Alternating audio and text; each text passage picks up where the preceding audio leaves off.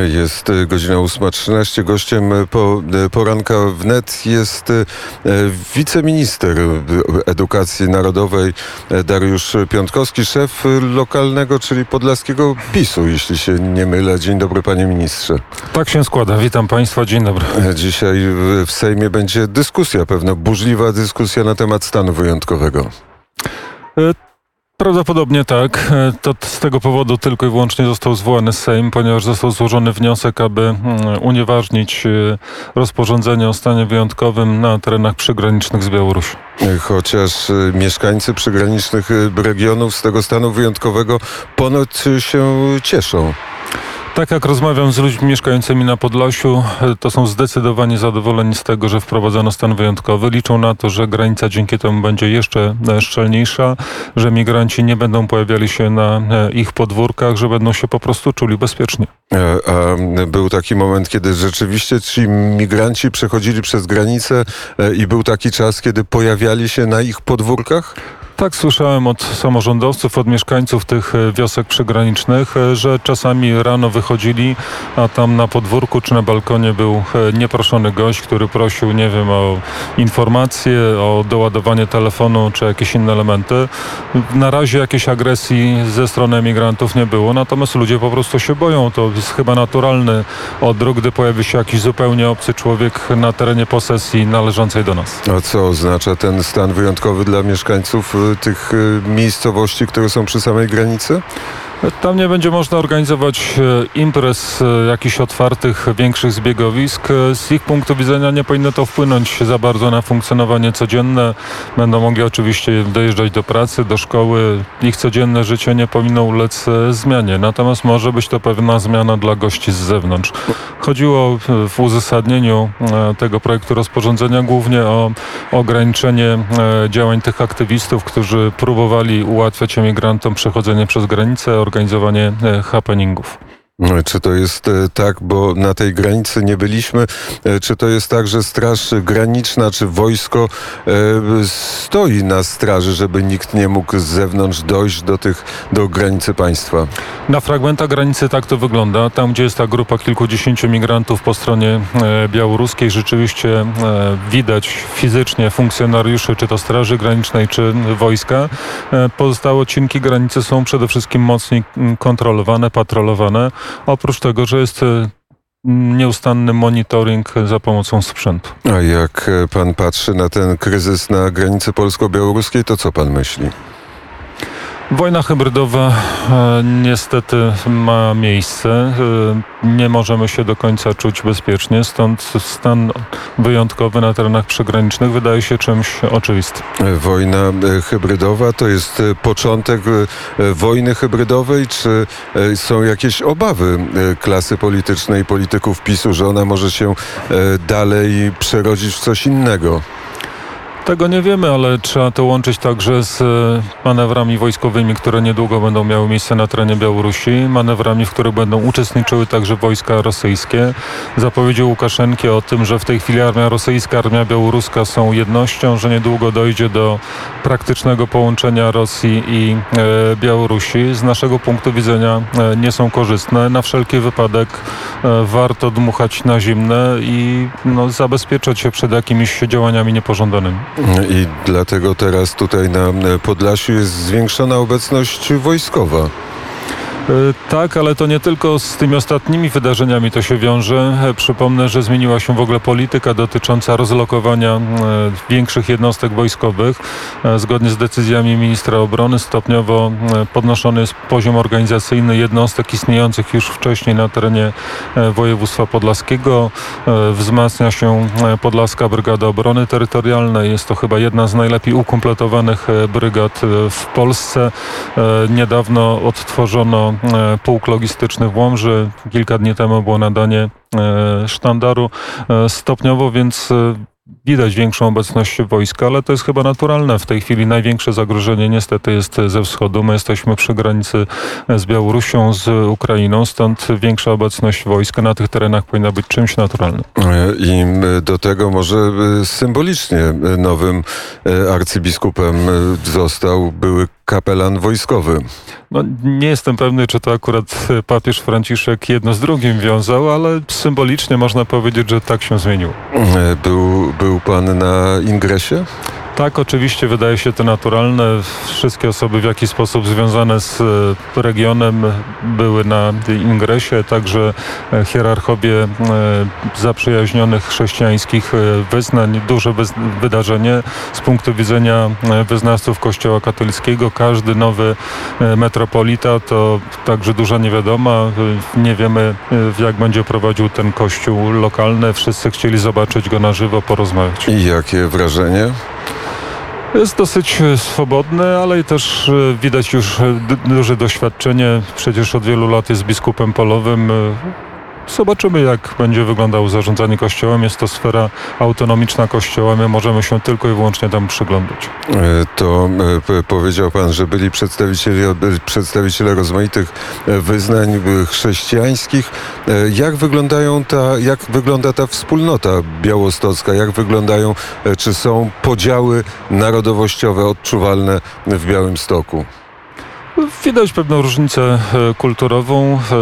E, Białorusini próbują mm, podtrzymywać swoją tożsamość e, narodową, mają szereg organizacji, pism, rozgłośnie radiowe, korzystają także z dostępu do mediów publicznych, aby przekazywać informacje, szerzyć informacje o wydarzeniach e, kulturalnych. E, Kościół prawosławny działa bez żadnych problemów. E, arcybiskup Jakub, który na ingresie przemawiał, wyraźnie mówił o tym, że dotychczasowa współpraca ze wszystkimi metropolitami białostockimi układała się bardzo dobrze. Był z niej zadowolony i sądzę, że podobnie będzie także z nowym metropolitą. Tutaj, tutaj nie ma, nie, nie, nie występują, czy występują jakieś napięcia na linii mniejszość białoruska, Polacy? Oczywiście, że są pewne e, napięcia. Arcybiskup Jakub wyraźnie jednak wskazywał na pewien e, nowy element. E, pojawiają się aktywiści, politycy z lewej strony sceny politycznej, którzy nakłaniają do takich przemian kulturowych, przemian społecznych i to akurat łączy oba kościoły, które chcą zachowania tradycyjnej rodziny, tradycyjnych wartości i jeszcze za poprzedniego metropolity były wyraźne wspólne działania i kościoła chrześcijańskiego wschodniego i obrządku e, katolickiego. Jak sądzę, będzie podobnie, bo to jest ten element, który łączy wyznawców e, obu kościołów chrześcijańskich. Mm, to wróćmy jeszcze na chwilę do tego wszystkiego, co dzisiaj e, po południu zdarzy się w polskim Sejmie. Teoretycznie Sejm ma prawo zawiesić ten stan wyjątkowy? Tak, może odrzucić e, uchwałę e, i decyzję prezydenta. E, wydaje mi się jednak, że dziś większość polityków w Polsce rozumie zagrożenie, które płynie ze strony Białorusi i strony tej niekontrolowanej migracji. Poza lewicą wydaje się, że pozostałe ugrupowania powinny poprzeć wprowadzenie stanu wyjątkowego, bo jest to po prostu w interesie Polski, w interesie mieszkańców Podlasia czy Lubelszczyzny. Sondaże zresztą pokazują, że Prawo i Sprawiedliwość od momentu, kiedy pojawił się ten kryzys, zyskuje. Prawdopodobnie jest to związane z tym kryzysem. To jest chyba naturalny objaw. Gdy pojawia się jakieś zagrożenie, ludzie zwracają się ku władzy, chcą, aby władza zapewniła im e, bezpieczeństwo, a polski rząd e, robi wszystko, aby to bezpieczeństwo rzeczywiście realnie funkcjonowało. Myśli pan, że miesiąc stanu wyjątkowego wystarczy? Miejmy nadzieję, zobaczymy. To będzie w dużej mierze zależało od postawy władz białoruskich. Zobaczymy, czy to jest tylko prężenie muskułów przed e, zbliżającymi się manewrami wojskowymi, czy będzie to próba takiej długofalowej polityki przerzucania migrantów przez polską granicę. Na pewno pan rozmawia z lokalnymi e, politykami, z politykami na Podlasiu, którzy należą do e, opozycji i są jednocześnie w parlamencie. Myśli pan, że może, że ich poparcie dla tego stanu stanu wyjątkowego będzie? Zobaczymy, czy będą w stanie zachować się autonomicznie, bo z punktu widzenia polityków regionalnych nie ma żadnych wątpliwości, że ten stan wyjątkowy powinien być wprowadzony dla bezpieczeństwa mieszkańców Podlasia. E, natomiast trzeba pamiętać, że w Sejmie działa także dyscyplina partyjna i zobaczymy, jak ci politycy się zachowają. Mam nadzieję, że większość partii opozycyjnych, tak jak wspomniałem, poprze po prostu stan wyjątkowy. Wówczas także i posłowie z Podlasia nie będą mieli żadnego dylematu. Spacerując wczoraj po rynku, pewno pan e, poseł i pan minister często e, po tym rynku białostockim chodzi. Jest taki, e, taki wielki napis. PiS nie daje pieniędzy na szkoły. Widział pan ten napis? Tak, ja bym mógł powiedzieć w ten sposób, że co roku z budżetu państwa PiS daje setki milionów złotych na funkcjonowanie szkół w Białymstoku, tak samo jak w każdej innej gminie. Tutaj prezydent Truskolaski związany bardzo silnie wcześniej z Nowoczesną, jego syn był szefem Nowoczesnej tutaj, a teraz Platformą Obywatelską, e, próbuje wprowadzać politykę do samorządu, jednocześnie twierdząc, że jest apolitycznym e, prezydentem. Chodziło mu prawdopodobnie o e, kolejną edycję Rządowego Funduszu Inwestycji Lokalnych, gdzie rzeczywiście Białystok akurat w kolejnej transzy nie otrzymał środków, ale w pierwszej transzy otrzymał kilkadziesiąt milionów złotych, najwięcej ze wszystkich samorządów w, na terenie województwa podlaskiego. To jest trochę tak, jakby prezydent Roskolaski uważał, że z każdego programu należą mu się gigantyczne pieniądze, chociaż jest to pewnego rodzaju e, konkurs i e, wybór tych inwestycji, które e, są ważne czy ważniejsze. Tak jakby chciał powiedzieć, że inwestycje w Białymstoku są ważniejsze niż na przykład, nie wiem, w przygranicznych rynkach, które w tej chwili zmagają się z napływem emigrantów. To są, powiedział Pan o środkach unijnych. Czy e, dużo się mówi na temat tego zagrożenia, że środki unijne, które e, należą się Polsce z Unii Europejskiej, mogą, e, mogą, są zagrożone, że być może tego transferu, wielkiego transferu pieniędzy nie będzie z powodów rozmaitych? Na razie jakiegoś większego zainteresowania tą sprawą nie widzę. Większość Polaków jest przekonany, że te Ale Polacy, po prostu a to będą... jest polityka. No, w polityce to jest oczywisty podział. Politycy opozycji twierdzą, że jest zagrożenie. E, politycy obozu rządzącego e, wyraźnie mówią, że nie ma żadnych podstaw prawnych e, do tego, aby w jakikolwiek sposób wiązać wypłatę funduszy unijnych z jakimiś innymi działaniami Komisji Europejskiej. Jest, nie ma to podstaw formalno-prawnych. Ale zapowiedzi wypowiedzi komisarza e, Unii Europejskiej są. E, trzeba pamiętać o tym, że komisarze Unii Europejskiej to także politycy związani z konkretnymi partiami politycznymi. W tej chwili w Parlamencie Europejskim i w Komisji Europejskiej zdecydowanie dominują politycy lewicowi, liberalni, e, którzy niechętnie patrzą na rządy bardziej konserwatywne, prawicowe, takie jak w Polsce czy e, na Węgrzech. To trochę tak jakby, nie wiem, dawny polityk partii Palikota albo lewicy nagle został jakimś ministrem, to wiadomo, że w sferze publicznej nie będzie on pozytywnie mówił o rządzie Prawa i Sprawiedliwości będzie starał się temu rządowi zaszkodzić. Myślę, że Polacy mają tę świadomość, że te działania nie służą Polsce i tak naprawdę nie mają podstaw formalno-prawnych. Rozpoczął się rok e, szkolny bez żadnych incydentów i bez żadnych zakłóceń. Na szczęście tak. E, uczniowie, nauczyciele wrócili do swoich e, szkół, do swoich sal lekcyjnych. Przytłaczająca większość z nich tego oczekiwała, aczkolwiek rzeczywiście pojawiają się pytania, jak długo będzie trwała nauka stacjonarna. E, mamy nadzieję, że tym razem dzięki dużemu poziomowi e, wyszczepień, e, między innymi dzięki temu poziomowi wyszczepień, będzie możliwa nauka być może nawet przez cały rok szkolny. Ale taki plan alternatywny powrotu do zdalnego nauczania pewno w Ministerstwie Edukacji jest. Mamy rozwiązania prawne, które już funkcjonowały przez poprzednie kilkanaście miesięcy. Gdyby były przypadki zachorowań bądź zagrożenia zachorowaniami w poszczególnych placówkach edukacyjnych, dyrektor szkoły w porozumieniu z organem prowadzącym oraz e, powiatową stacją sanitarno-epidemiologiczną mogą zawiesić zajęcia dla części uczniów bądź całej szkoły. Są także rozwiązania, które pozwalają na to, aby na terenie województwa czy całego kraju e, wprowadzić ewentualnie nauczanie hybrydowe. Na razie nie widzimy ku temu żadnych powodów. A jakie są nastroje wśród nauczycieli?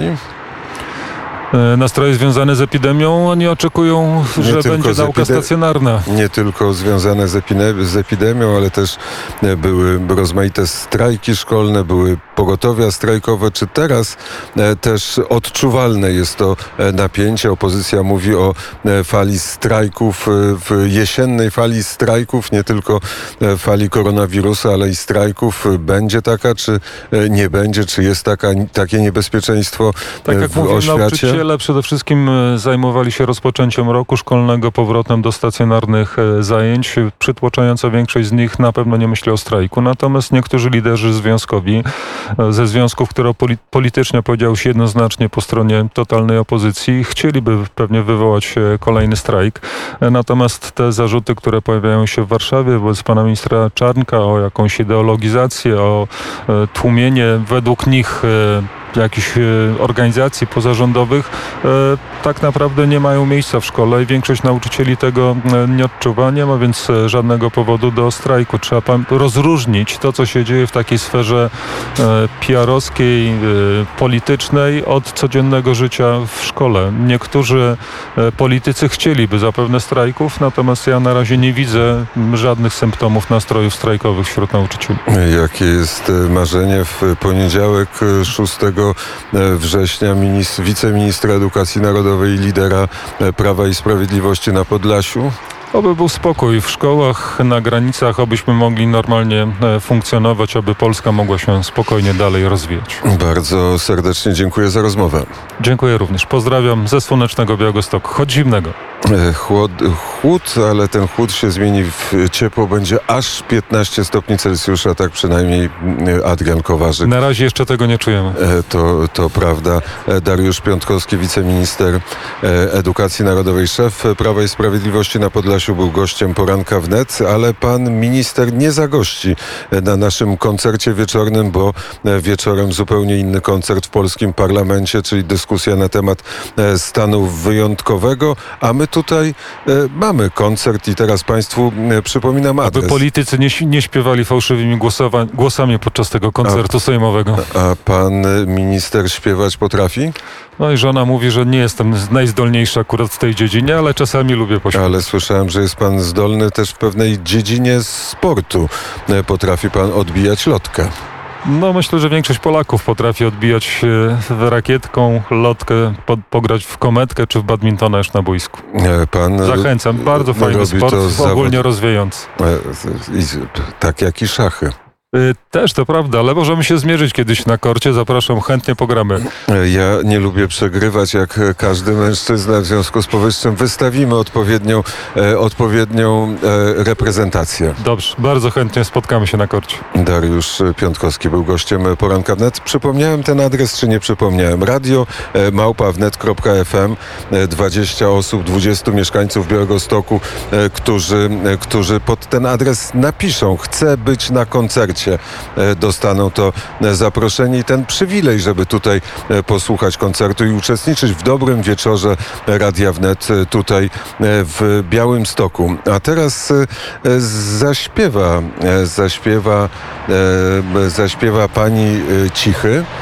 Pani Cichy to jest piosenka, właśnie nie pamiętam jak ma, jak ma na imię Katarzyna Cicha.